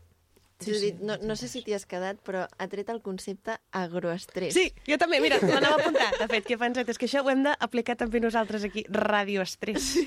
és, és boníssim aquest concepte. M'ha agradat molt. M'ha encantat, m'agrada això d'empoderar els pagesos. Sí, és una idea prou bona, la veritat. I tipus de vins, quins tipus de vins teniu? Nosaltres, en la, en, en la gamma de vins que intentem elaborar, eh, volem arribar a totes les possibilitats que genera el most. Val? Llavors, si el most ja genera most, fem most. I el pasteuritzem i no el deixem fermentar. Llavors és most per la canalla o pels que no beuen vi. Ah, Perdona, que no beuen alcohol. Uh -huh. I ens funciona molt bé. És una sorpresa que el most ha sigut un producte que funciona molt bé. És, és un dels productes, però no el deixem fermentar. A partir de deixar fermentar la resta de mostos que elaborem, doncs anem a vins joves. El fins als collons seria un vi jove clàssic, com a concepte, és un claret. Els clarets sempre s'han elaborat buscant la joventut de l'anyada, Els clarets són cofermentacions de raïms blancs i raïms negres. És la cosa més ancestral i de pagès que tota la vida s'ha tingut. Són vins amb molt baixa graduació, però amb molta bevibilitat, amb molta fruita, amb moltes ganes de ser de portar al porró i beure en volum. Perquè d'aquesta manera, amb aquesta tipologia de vins joves, el claret ho peta més perquè té aquesta baixa graduació que el fa molt bevible, molt refrescant. A partir d'aquests, com el Fins als Collons, eh, ja anem a elaborar vins que busquem més el Penedès de territori, no? el Penedès xarelista, on només farem xarelos per explicar com un xarelo s'envelleix, el Penedès sumollista, per explicar com un sumoi, que és la, la, la real varietat negra del Penedès que jo conec, doncs eh, s'elabora, i mica en mica anem avançant cap a aquesta part més gastronòmica, més envelliment i més complexa. Clar, perquè pels que esteu a casa, el Rubén ens ha portat aquí dos vins, oi? Que si vols pots explicar quins són, així també la gent ho sap una mica. Hem portat dos, dos, an, dos antagonismes. Al final, el Sassó mm. és un xarelo 100% que busca l'envelliment gastronòmic. I quan dic envelliment gastronòmic vull dir aquesta part oxidativa que fa l'envelliment en els contenedors com les barriques o com les gerres de fang, que són contenedors porosos, i aquests contenedors porosos afegeixen oxigen en l'envelliment i aquest oxigen acaba sent complexitat de sabors, complexitat d'aromes. I amb el sassó 100% xarelo busquem un Penedès, en el meu cas l'Alt Penedès Montserratí, que jo crec que, que un dia o altre s'acabarà fent una subzona, que serà l'Alt Penedès Montserratí, d'acord? I llavors eh, aquí demostrar doncs, aquesta sequetat, aquest el Penedès, sequetat tant de, de, de nutrients com de pluja, aquest Penedès tan mediterrani, tot i no estar enfront del mar, i el busquem aquí. O sigui, això és un, un vi que intentem que transcendeixi de plaer. I en canvi, fins als collons, la seva paraula ho diu, no? O sigui, que ha transcendir una cosa que li has dit fins als collons. No busca transcendir, busca mamar. I, i busca el mam del bo. Mamar perquè sí, mamar perquè sí de calçotar, i em ve a gust mamar. I no penso trencar la cadena de valor i comprar qualsevol vi de merda a un euro perquè què vols que hagi de tenir de valor un vi que has comprat barat pel darrere d'aquest vi, no? No hi ha valor. Doncs un vi, això és un litre. Per això dic la cadena... Per això dic que és un vi de festa, és un litre de vi. I aquí el que busques és mamar més, per això hi ha més volum. Clar, és que nosaltres normalment sempre preguntem a veure si, si la gent pensa que hi ha un bon moment per veure cada vi. Entenc que això és un exemple superclar de que hi ha dos vins amb dos intencions completament diferents, no? Sí. Aquesta de fins als collons és pues, això que dius, tens una calçotada, tens ganes de tajar-la, pues aquest sí. serà un bon vi sí, sí, per sí. aquell moment. I per què no tajar-la? Perquè sempre el món del vi ha de ser transcendent. En vull tajar, què passa? Quin problema tenim? Vull tajar i en vull tajar amb vi natural, amb vi saludable, amb vi de valor, amb vi que paga bé el pagès, i en vull tajar. És com, per què no? Aquest és un vi que es veu ma cosina de 20 anyets, que sembla la Rosalia, i en comptes d'anar-se'n a fotre un botellón de merda amb alcohol de merda, perdoneu l'expressió, però comprat a qualsevol lloc de merda, doncs es fot un botellón amb un fins als collons. Hi ha un litre, al final el botellón és la litrona, hi ha un litre i se'l mama amb les seves amigues. I com que té poc grau, doncs pilla el, pilla el rotllo, però també no va arrastrar pel, pel terra. O sigui, és un, és un mamar amb conseqüències festives sense anar-se'n de, de mare, d'acord? Per què? Perquè estàs a calçotada. Qui no fa calçotades? pues que amb una calçotada busquem el vi més car perquè tots, amb la ceba a les mans, busquem plaer. Llavors, cada moment té el seu vi. I, en canvi, l'altre, el sassó, aquí sí que fins i tot hi ha expectativa per part meva. Vull que la gent, quan provi el sassó, pensi, pues, hòstia, aquest nano ho ha fet bé perquè m'ha maridat aquesta escòrpora, aquest salmó salvatge un nivell que no m'ho esperava. O aquest formatge blau me l'ha aguantat, la intensitat, o estic en un restaurant Michelin i, cony, m'han presentat un vi del Penedès fet de xarelo, que guapo. O sigui, a aquest nivell es, també tenim expectatives, no només atajar-se. Però per què no la vida tenir aquests moments? Un moment de festivitat amb amics i un moment de plaer absolut, potser amb el teu pare tens una conversa pendent o amb la teva parella, i vols un vi que transcendeixi aquell moment i fiqui en records i en, i en valor. I aquest, aquest nivell d'intensitat ara està en el vi, també. Que això se'n diu ser polivalent. Saps sí, que podies saber no, no. fer de tot i fer-ho bé, perquè a mi me'ls ha venut els dos iguals de bé. Jo ara no sé... Bueno, ara sí que ho sabria, perquè jo vull fer una calçotada sí, i tajar-la. Sí, jo ho tindria clar. I llavors fins als collons me la... El, clar, l'estrella Michelin potser no hi aniré, però fins als collons me la venut... Rubén, quedem un dia i l'anem a tajar? I tant. Què et sembla? Queda malament que ho dic, però m'encanta tajar-me. És que a mi també, jo m'ho passo super de bé. Escolta'm, però vale, sí, un consum responsable sí, des, des del Penedès cap de setmana, promovem... Sí. bueno, um, no, no, és que jo... jo no, digues, jo, Sí, on podem trobar aquests vins? On els podem comprar? Doncs aquí a l'àrea aquí a l'àrea pròxima, per exemple, doncs a, a Sant Sadurní, a Calfero, amb el Xavi, que és una botiga de poble superxula en el sentit pràctic, té de tot. Vull dir, allò que deies de polivalència, doncs el Xavi ho té tot, pots trobar de tot, amb una noteca especialitzada. Aquí, doncs, el Bar Àngelus, amb el, amb el Jaume, el Cuscó, que ha fet aquest bar de vins. Hem d'entendre que quan pregunteu on ho pots trobar, nosaltres fem vins naturals, que aquí sí que és una pregunta que m'autofaig jo, no? Què vol dir vi natural? Vull dir, nosaltres fem vins naturals, que en si mateix ja és una altra gamma. Quan abans m'has preguntat què diferenciaries, mm. hagués tingut de dir que és vi natural. Però com que hi ha una gran, que no, no, no és el dia, però hi ha un gran debat sobre aquest tema del vi natural, què és natural, què no és natural, no he volgut ficar-la com a variable de diferenciació. Perquè al final tot és natural si ve de l'agricultura. Però la definició d'un vi natural és allò que, eh, aquell mos que ha fermentat sense cap additiu. Cap additiu. No, és que jo... No, cap. Tens una gallera on hi ha un most, fermenta i tens un vi. Això és un vi natural. Si m'ho fas amb tecnologia no serà una gallera, serà una tina sent oxidable, amb un control de temperatura, amb una analítica... Hi haurà tot un procés tècnic per fer vi natural, d'acord? Llavors, els jocs on es pot trobar aquests vins, amb tot el respecte, són llocs que valoren el vi natural. Serà molt difícil que pugueu, qualsevol persona pugui trobar un vi de finca parella en un lloc on el que hi ha és un vi convencional. Totalment legítim, respectable, eh? Vull dir que no és, no és més que una descripció d'una realitat. Jo encantat de la legitimitat que té ser un agricultor convencional i un elaborador convencional però nosaltres hem pres aquesta decisió, que és fer elaborar una agricultura molt radical, molt saludable, no té cap sentit que després de tot el curro que ens fotem al camp acabem afegint conservants al nostre bé. Si, no, si quasi bé no fico fúngics a la vinya. Llavors no té sentit. I aquí em sento molt còmode i no tota la vida he elaborat vi natural. M'he anat trobant a mi mateix com a elaborador i ha hagut un moment que a través d'altra gent que admires i altra gent doncs, que valores i còpies i et deixes inspirar, com és lògic, dius, hòstia, jo vull fer aquell vi. Com el fa aquest, aquest paio? Sigui, el fa així, doncs jo vull fer-ho així, provem-ho. I mica en mica l'espai meu, on estic supercòmode i estic a gust, és el vi natural. Amb la qual les sanoteques, els restaurants i els professionals que confinen el vi natural ens hi trobareu quasi bé segur. Aquells no espais del vi natural és difícil que se'n trobi. I el preu, això de que, fa, de que sigui un vi tan natural, eh, augmenta el preu? No, jo amb un lineal aquí faltarien molts vins, no? però un dels vins més competitius que, ti, que tinc es diu Clar. Tinc una línia doncs, de vi blanc de l'any que es diu Clar i una línia de vi negre de l'any que es diu Fosc. Clar i fosc. Molt senzill de, de, de lligar, no? I el Clar està en una botiga 8 euros, 8 euros i mig, valga'm Déu. Quants vins hi ha a 8 euros? Sí. Convencionals i ecològics i naturals. Vull dir, estem en una gamma molt popular. Aquest que teniu aquí davant, el Sassó deu estar sobre uns 19 a botiga, 21, el de l'estrella Michelin? Clar, perquè no és tajar la calçotada, ai, no. I l'altre deu estar sobre els 14, 15, depèn dels marges de cada botiga i tal. Però vaja, no hi ha cap via a la taula que superi els 30 euros, no? Molt bé.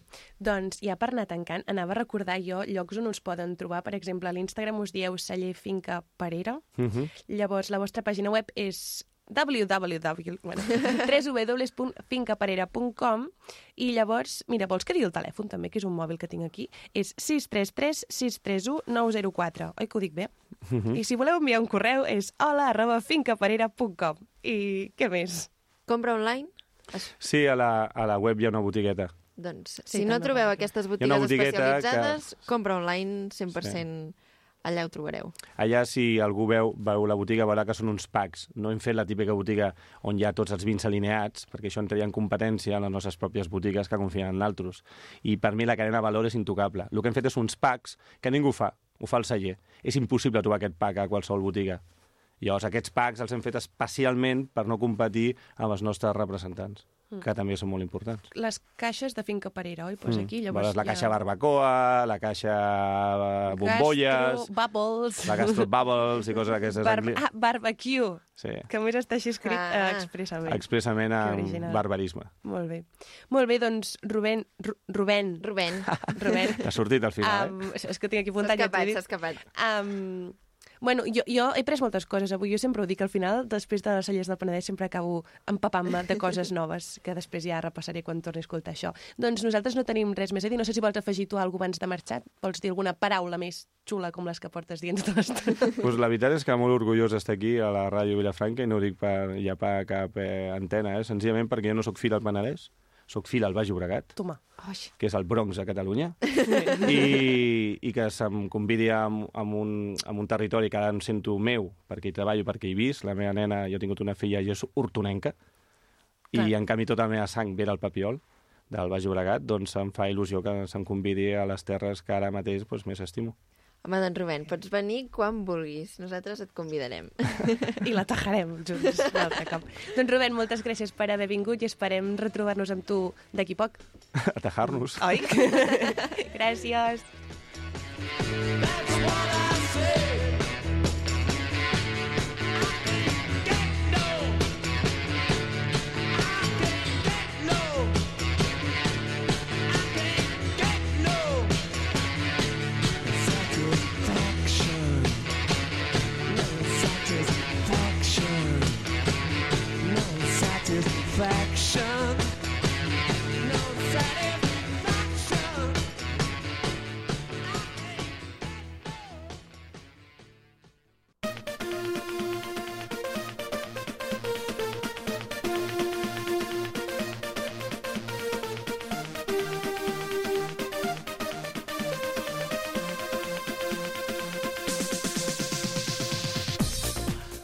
Bon dia.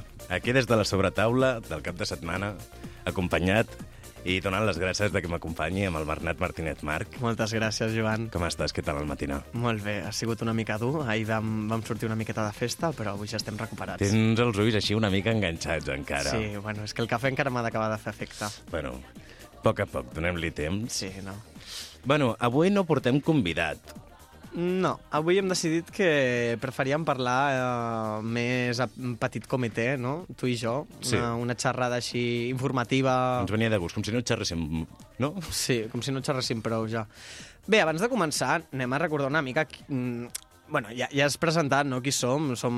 Jo em dic Bernat Martínez, tu et dius Joan Moreno, Molt bé. i estem a la sobretaula del cap de setmana de Penedès cap de setmana. Eh, recordarem una mica les xarxes socials per si encara no ens seguiu, si ens voleu començar a seguir, si ens voleu deixar de seguir. A- a- Això que estàs fent seria estar a punt de ser una falca publicitària? No, perquè com el programa és nostre i la secció també és nostra, jo crec que s'accepta, no? Que maco dir que tenim algú nostre, eh? Perquè no tenim res a part no, d'això. la veritat és que no. Bé, eh, si ens voleu trobar a l'Instagram, eh, ens diem arroba la sobretola barra baixa. I bé, eh, pengem una mica les entrevistes que fem, enllaços als, als podcasts i També tenim una secció molt interessant, que es diu els castellanismes. és un destacados d'Instagram. Un destacados, per qui no ho sàpiga, és quan entres al perfil, és com un, com un Insta història ja fixa, que Sí. sempre pots sempre pots entrar. I com que un dels objectius que ens vam marcar... Això ho explico, per si algú no s'ha sentit el primer programa i està aquí sentint-nos, que pensarà que de què parlen aquests dos. Clar, clar. No? Doncs un dels objectius que vam marcar és que jo sóc una mica xarnego parlant el català i vull millorar. Llavors, volem que la gent ens digui hòsties, nano, aquí has fotut una castellanada que, que dona vergonya. Com t'atreveixes a parlar per la ràdio? I a part d'això, corregir-la, no? una mica l'error gramatical i, i, i, i donar corda al català. al Clar, final. que és important fomentar la llengua. Bé, eh, entrant una mica en qüestió. Jo avui, Joan, et porto un, un titular de... On el portes? perdona, perdona, va. Va. Eh, és, una, és un titular d'una plataforma de convergència cultural anomenada Mor.bo, que si us interessa també està per Instagram. I el titular diu el següent. VIH. Nous casos en persones heterosexuals superen els de persones gay i bisexuals per primera vegada en 10 anys. Què, et- què et fa pensar aquest Em titular? preocupa. Per començar, em preocupa perquè això significa de que no som conscients del que és la malaltia que mm, en el seu moment va ser una gran pandèmia i va morir molta gent. Llavors, això em preocupa, per començar. Abans d'entrar en, en, abans d'entrar ja en el tema en si, no? en el cos de, de la notícia, eh, menciona una mica, una mica d'informació de què diu aquesta notícia. No? Eh, podem comentar que l'article menciona que la meitat de les persones amb, amb el diagnòstic eren heterosexuals. Val? Per altra banda, eh, segons estudis de l'Agència de Seguretat Sanitària del Regne, del Regne Unit, les persones heterosexuals són més propenses a rebre tard el diagnòstic pel que comporta que el virus ja pot haver començat a provocar danys en el sistema immunitari. I per què és això? Per què és això? Aquí entraríem una mica a mm, la- l'estigmatització que té aquest virus en si. Val. Ja que- Clar, com que l'VIH sempre ha sigut una malaltia... O ha estat considerada històricament... Val, sí, ho he dit molt malament, no sempre ha sigut, no, no, no, No. ha sigut sempre No. perquè això ha sigut un estigma. Sí, exacte. La, la, la, L'VIH s'ha relacionat durant molt de temps i segurament es deu seguir relacionant amb, Amb prostitució, drogues i el col·lectiu LGTBI. col·leu- Sí, sí, sí, sí. Bueno, tu saps que... Però, no, espera, Ah, encara no. m'espero? Vols parlar més? Perdona, perdona, és que tinc moltes no, ganes de parlar-te. Del, pel que deies ara mateix, de que està considerat com que el, els, aquestes minories són les més propenses a patir aquest virus, eh, justifica una mica l'altra banda de la realitat del problema, de que per què mm, aquests diagnòstics tardans, no? al final, doncs, clar, evidentment, el, la societat tan estigmatitzada aquesta malaltia en aquests col·lectius i el, les persones heterosexuals no, no considerar-se elles mateixes o a nivell societat no, les, no considerar-les persones de risc, eh, no es realitzen proves i, i, i no es fan seguiments rutinaris o no es té tanta pre precaució a l'hora de, dels contagis o de... Bueno, jo crec que és una mica aquest pensament humà que té tothom de... Bueno, a mi això no A mi em això passarà. no em passarà. A mi això no em passarà. I, I suposo que si estàs en la situació d'heterosexual i els privilegis que això comporta, no? Per una persona heterosexual el major risc és l'embaràs, però aquí podem veure clarament que no és el major risc. No, I a part de que l'UVIH no seria el major risc, vull dir, hi ha moltes més, altes, moltes més altres malalties de transmissió sexuals Clarament, clarament. que sí que inclús serien de més de major gravetat, gonorrea, sífilis, etc. Bé, ja que hem començat parlant molt del tema sense realment explicar, perquè potser tenim algun dels nostres oients que mm, o no ha escoltat o, O se sent saber més. desinformat o en vol saber més, anem, anem a començar a explicar una mica què és l'UVIH i què és el SIDA, perquè són dues coses absolutament diferents. Estan relacionades, però no és el mateix. Vale, a veure. Eh, què és l'UVIH? Va, us ho explico jo. Uh, L'UVIH significa el virus d'immunodeficiència humana. És a dir, és el virus en si, és el, en, en el moment en què hi ha un contagi, tu has adquirit aquest virus.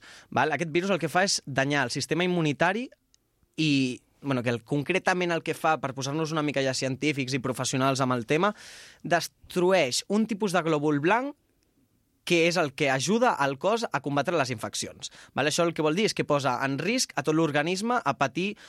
Posa, o sigui, et, et deixa desprotegit a, amb totes les altres enfermetats, virus És a dir, que, que no- que no hi ha tens en el- l'entorn. Sí. Val. Per altra banda, Per, per lo que estem parlant, que amb un constipat pot ser molt... Vull dir, si, Pot ser si ets positiu en... Si ets portador de l'UVIH...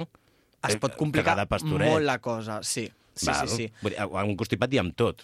Per altra banda, què és el SIDA? Perquè no és el mateix que l'UVIH. El SIDA significa síndrome d'immunodeficiència adquirida. Val? Ja d'entrada, la diferència està en...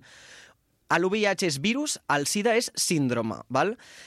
El SIDA en si és l'etapa final de la infecció pel, pel VIH, pel VIH, val? O sigui, passa quan el sistema immunitari del cos està ja molt malmès pel virus, però no totes les persones tenen per què desenvolupar SIDA, val? Tu pots acabar el teu recorregut vital sense haver passat per aquesta etapa fi final. És, és, és una etapa de la malaltia, el SIDA. Sí. És, és, és, diguem això, seria l'etapa final. És, és aquesta imatge que tenim a vegades com del... Tu has vist Pous? Sí, clar que sí. Val. Gran sèrie, recomanable, està al... Netflix? Netflix, si no Això sí que és m'equivoco. una falta L'última publicitària, eh? temporada, ah, si no m'equivoco, està a l'HBO. Tot s'ha de comentar. Sí, però mm, és una sèrie que parla molt sobre el col·lectiu LGTBI i el I de... tracta concretament la problemàtica del SIDA dintre d'aquest col·lectiu i de com ho pateixen les, tota, totes aquestes persones. I així que fem una crida aquí, des de Ràdio Vilafranca, que veieu tots Pous i Sí. ens apropem tots una mica més a, Primera, segona i tercera temporada. a la realitat del col·lectiu del moment i poder entendre més la història. Llavors, jo volia explicar-te una cosa abans, Vale. que estàvem parlant, no? que dèiem eh, que l'UVIH eh, sempre ha estat relacionat no, a, amb el col·lectiu o amb la prostitució o amb la drogodependència. Sí. Eh, tu, tu saps qui és Miguel Bosé? Sí, clar que sí, home, només faltaria. Seré tu amante pan bimbo. saps? I, doncs, eh, bueno, ja sé que Miquel Bosé ara mateix és superpolèmic, però anem a sortir de la polèmica de Miguel Bosé i, el, i, el, i la nova pandèmia, no? Sí, per antivacunes, etc etc. Em, Miguel Bosé s'ha dit tota la vida que era homosexual només per ser portador de, de l'OVIH. I Miguel Bosé no és, no és homosexual. Llavors, a mi el que em fascina és com la societat pot generar tal estigma com per fer creure a tothom una gran mentida com aquesta. No? Vull dir, em preocupa. Vull dir, a mi em preocupa que la, la, la gent es pensa que hi ha malalties que són... Vull dir, les malalties no són ni per rics ni per pobres. No. Ni, no va per races No. o, o per, o per No orientació sexual. Igual que el Covid no distingeix entre no distingeix per edats ni per, ni per gèneres, aquesta malaltia tampoc. Bé, dins de tot el que seria aquest món, no tot són males notícies. Vull dir, existeixen medicaments que poden ajudar a, al, al, a, a, a, amb, amb tota aquesta Establir- situació A, a regularitzar. a regular una mica la situació. Mm, per exemple, no sé si us, no sé si et sona... Uh, un... Si us sona. A tu, a tu i a... A tu i als nostres oients. Existeix un medicament que se'n diu PrEP, val? Em, que, se- que són medicaments que, prevenen, que prenen les persones que estan en risc d'infecció per VIH per prevenir contraure'l a través de les relacions sexuals o el consum de drogues injectables. Val? Em, aquests tipus de, aquest tipus de medicaments fa molt poc realment que l'han regularitzat a nivell espanyol i no totes les persones poden accedir-hi. I qui pot accedir? S'ha de comentar. Jo podria accedir. Espera, abans de començar a parlar sobre qui pot i qui no pot accedir-hi, eh, també m'agradaria comentar que aquest medica aquests medicaments eh, redueixen el risc de contraure l'UVIH, Redueixen. redueixen, perdó, gràcies per la puntualització, redueixen... No, no, t'ho estic preguntant. Redueixen. Sí, sí, Val, val, val. redueixen el risc de contraure'l en aproximadament el 99%, val? però no et protegeix, com deia abans, de totes les ETS. Vull dir, mm, Val. val? Val, vull dir que, que seria interessant seguir protegint-te si tens No, relacions no. sexuals esporàdiques. Sí, Tot- evidentment. tot i prendre sempre, PrEP. sempre, Per, evidentment. perquè hi ha altres malalties com la gonorrea, eh, el papiloma i... Ah, després et vull comentar una cosa del Val. papiloma, recorda-m'ho. Ma- M'agradaria tornar a recordar que tu, mm, com a... Per, per, començar a prendre aquest tipus de medicament no, no, no vol dir que estiguis patint l'UVIH, val? sinó eh, és per prevenir el contagi. Val? És a dir, que és per no, per no tindre l'UVIH. eh? Sí, Per- que són uns demà- medicaments antirretrovirals. Jo val? vaig a la farmàcia i el demano. No, no, no, no, no. clar, val. aquí és on anava a entrar. Hi ha, hi ha diferents centres al qual, als quals els subministren, val? però no tothom pot accedir-hi. Aquí és on, on volien entrar-hi. El Sistema Nacional de Salut finança el PrEP a aquells homes que tenen sexe amb homes i dones transexuals que, com a mínim, compleixin dos dels següents requisits. I aquests requisits són els següents haver tingut més de 10 parelles sexuals diferents, haver practicat sexe anal sense protecció, haver fet servir drogues en un context de sexe sense protecció, haver pres profilaxi postexposició en diverses ocasions i o haver tingut, si més no, una ITS bacteriana. Val? Per tant, Ah. No tothom realment pot accedir-hi a, a aquest medicament. Jo et volia explicar una cosa semblant. Faig aquest petit incís i tornem a aquest tema. Volia explicar una cosa semblant amb el papiloma. Va, fa uns anys va sortir una llei aquí a Catalunya, em sembla, eh, que és per vacunar els homes del papiloma, però no a tots els homes, eh? Val, perquè, sí. recordo, del papiloma només es, record, es vacuna a les nenes quan són petites, perquè elles tenen la responsabilitat, sa- com a dones i com a sistema patriarcal que tenim, a que elles no es contagin del, del papiloma, però els homes no tenim aquesta responsabilitat, eh? Molt cert. Uh, Llavors, Um, un moment, és que t'ho explico i tornem, perdó, que no et vull interrompre més. Um, llavors, la, va sortir una llei que um, es podien vacunar els homes menors de 25 anys que practiquessin sexe només amb homes, o, o entre homes, que és el mateix que acabes de llegir mm -hmm. tu ara mateix. Llavors, la meva pregunta és, com demostres que ets gay quan vas al metge? No, jo... Val, no, sí. Com demostres que ets gay al metge? Eh, actualment no cal demostrar que ets, ets homosexual al metge, val? realment, vull dir, amb, amb que diguis que... mm, Vull dir, un dels requisits és haver tingut més de 10 parelles sexuals diferents, val? No, no, no estem parlant concretament de que... Mm, vull dir, no et demanaran a la Seguretat Social un paper que et demostri, vull dir, estaríem parlant de una invasió a la privacitat absoluta, val? són dades privades que no tens per què... Però per, per, per, per, què, per què és, ha de ser el col·lectiu el que es, es, es prevé de no agafar-ho? Per què no és tota la Aquí població? tornem a, a la estigmatització que hi ha general dins de tot el sistema, de que consideren que les persones homosexuals o transex dones transexuals són els col·lectius de risc. Però, com bé llegíem amb la notícia que t'he comentat abans, amb el titular, mm, estem en un punt, en l'actualitat estem en un punt en el qual ja no és aquesta realitat, val? Vull dir, les persones heterosexuals ara mateix tenen no, no, no més risc, sinó tenen les mateixes probabilitats, val? Vull dir, mm, no té res a veure. Em, mira, ja que... Est... Bueno, m'agradaria comentar que eh, per preparar també aquesta entrevista ens hem vist un documental molt, Molt interessant, interessant. que es diu Tengo VIH desde los 17 años, eh, el qual és un documental de triplets. Fa uns anys ja que va sortir. Sí, farà uns 4 anys, em sona, crec que era 2019, amb, amb un... Bueno, apareixen aquests dos nois que es diuen The Triplex i mm, amb un noi que es diu Eric Guisado, que és activista contra l'UVIH i portador del virus. I la veritat és que és mitja horeta d'entrevista, molt interessant. És molt amena, es passa molt ràpid. Sí, i comenten tota la seva experiència, des Bueno, de com, va, explica- su, com, va afrontar, com va afrontar la notícia fins a com ho va comunicar al seu, al seu entorn. A més, explica que ho va agafar molt jovenet, amb 17 anys, em 17 sembla. anys. Vull dir, jo m'imagino el que deu ser amb 17 anys afrontar una malaltia com l'UVIH amb tots els estigmes que comporta i amb el que costa potser acceptar o portar a terme en públic la teva sexualitat. Home, mm, I, sí. I jo, a mi em faria patir.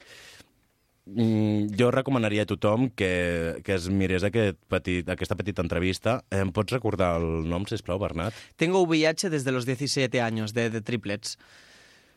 M'agradaria afegir un, una mica d'informació eh, de que a part del PrEP també existeix medicació per l'UVIH. Val? És, són, és una medicació antirretroviral que el que fa és aturar el, aturar el, no la infecció, sinó aturar el virus, el virus deixar-lo en un estat inactiu, val? es consideraria indetectable És, és, com una, és com un estat de... És com estar al limbo, no? Eh, sí, co- congeles una mica com l'avançament aquest, impedeix que es deteriori el, el sistema immunitari de- d'una manera tan, tan, tan exagerada, no tan ràpida, i permet portar a, a les persones que, que vi- conviuen amb, el, amb aquest virus i els hi dona una Una qualitat vida de vida plena i, i És dir- no tenen cap diferència. Vull dir, les persones que conviuen amb l'UVIH no són diferents a les persones ni, ni, que no el pateixen. Ni, ni, ni ens No hi ha cap mena de diferència. Un, un, una dada que a mi em sembla molt interessant és que eh, si prens aquesta medicació no pots contagiar. Molt Ah, no, cert. No, no pots portar-lo a una altra persona. És a dir, si jo tingués eh, l'UVIH i, i m'estigués prenent la medicació, eh, jo podria, a veure, no, amb la meva parella podria practicar sexe sense protecció i la meva parella no es veuria en risc de, de, de també ser portador de l'UVIH. Però si la teva parella, i no utilitzeu goma, eh, també, eh, també és positiu, zero positiu, eh, sí que hi ha risc de que el, la càrrega viral augmenti. Tot s'ha de dir que pel que tu estaves comentant, per poder mantenir relacions sexuals sense que hi hagi cap problema, a part de la medicació antirretroviral per l'UVIH, s'ha d'utilitzar el PrEP. Val? Val. Perquè hi ha, hi ha, tipus, hi ha diferents tipus de, de VIH. És com el, com el Covid, que hi ha... Vull dir, hi ha el Covid, eh, la variant... Omicron, Delta. pues, amb, amb, aquesta, amb, amb aquest virus passa justament el mateix. Llavors, per això també es recomana prendre el PrEP. Sí. Val? Mm, vols que passem... M'agradaria fer una mica de dites catalanes, no? que Això la setmana t'anava a dir jo. passada no vam tenir Oh. temps per poder fer la, sex, la, la minisecció aquesta. M'ho fas tu a mi? Tinc ganes de que em facin jocs. O vols que t'ho faci jo a tu? Va, Vinga, va, fes-m'ho tu a mi. T'ho faig jo a tu? Sí. Eh, a veure... Val. Jo la començo i tu l'acabes, val? Val. Val. La primera, va. D'on no hi ha... No en raja. Aquesta és la meva dita preferida. De veritat, de La veritat veritat. m'agrada molt. I penso que vol dir que... Mm, que no has d'esperar res de ningú si, no, si ja ho veus clar que ah, de lluny no, no t'aportarà res, no? No le pires peres a l'olmo, no? Que seria una mica... Ah, sí. Intentem explicar la definició de la dita amb una altra dita. Eh, bueno, és que s'ha de tindre una bona cultura de dites. A mi m'agrada sí. molt la cultura de dites. Va, passem a la següent.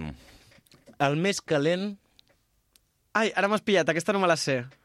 Va, el més calent és a l'aigüera. I què vol dir aquesta? Un moment que no me'n recordo. Senta sincer. Em... Vale, indica, vol dir que hi ha mm, com un procés que la cosa està així a fer, però mm, no està del tot fet. Val, És a dir, que està per fer encara. val, val. És que he escoltat poc, aquesta expressió, tot s'ha de dir. Va, em fas tu l'última? Va, sí, te la faig jo. Eh, no hi ha per a llogar-hi cadires. No sé si l'havies escoltada o no. Aquesta no... Repeteix, repeteix. no, no hi, n'hi ha per a llogar-hi cadires. Que no hi ha diners. Mm, mira, et comento una mica l'origen d'aquesta dita. L'origen el trobem en l'anunci que feien els pregoners per a les festes i espectacles. Aleshores, els assistents tenien la possibilitat de llogar cadires per a reservar-se lloc a l'espectacle. Quan el pregoner deia «si llogaran cadires», senyal que l'espectacle valdria la pena. Actualment, aquesta expressió s'usa però en un altre context, val? s'usa per expressar sorpresa davant de quelcom curiós, divertit, inesperat i fins i tot indesitjat. Ho sabies? Hauré de, de mirar com utilitzar-la. Eh? Em marcaré l'objectiu de... Però és, és maca, eh, aquesta per dita. cadires. I bé, Joan, jo crec que ja se'ns se apropa l'hora de finalitzar amb la secció de la sobretola per avui. I quina recomanació has portat? M'agradaria acomiadar-nos amb una cançó que se'n diu Black Shadow, traducció literalment Negra Sombra, que és d'en Carlos Núñez, un músic que toca la gaita i flautes dolces a nivell professional. Val? En aquesta cançó en concret, la, la, la que canta, vull dir, Carlos Núñez és l'autor de la cançó, però eh, té, vull dir, l'acompanyen altres músics, la cantant se'n diu Rosalía de Castro, És I la el- Rosalia de, de, de Bilionària? no, no, Ah, ah, val. per nada. I el guitarra se'n diu Ray Coder. I... Ai, no, perdona, ho he dit malament, ho he dit malament. Rosalía de Castro és la, la compositora, la, la, la, la, la lletrista. Perquè la veu, diu, la, la, la, la cantant, se'n diu Luz Casal. Val. Anem a veure què tal la cançó?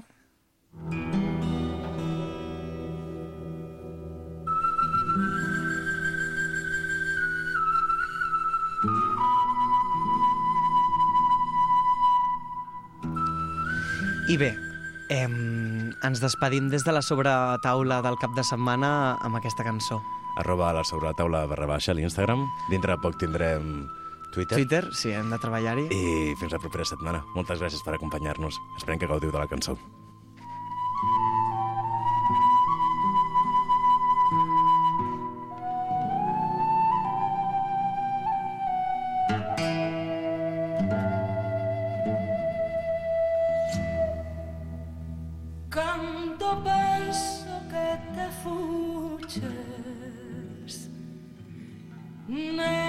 sombra que me sombras. Oh, o pé dos meus cabezales tornas facendome mofa. Cando máximo que sigas No mesmo sol te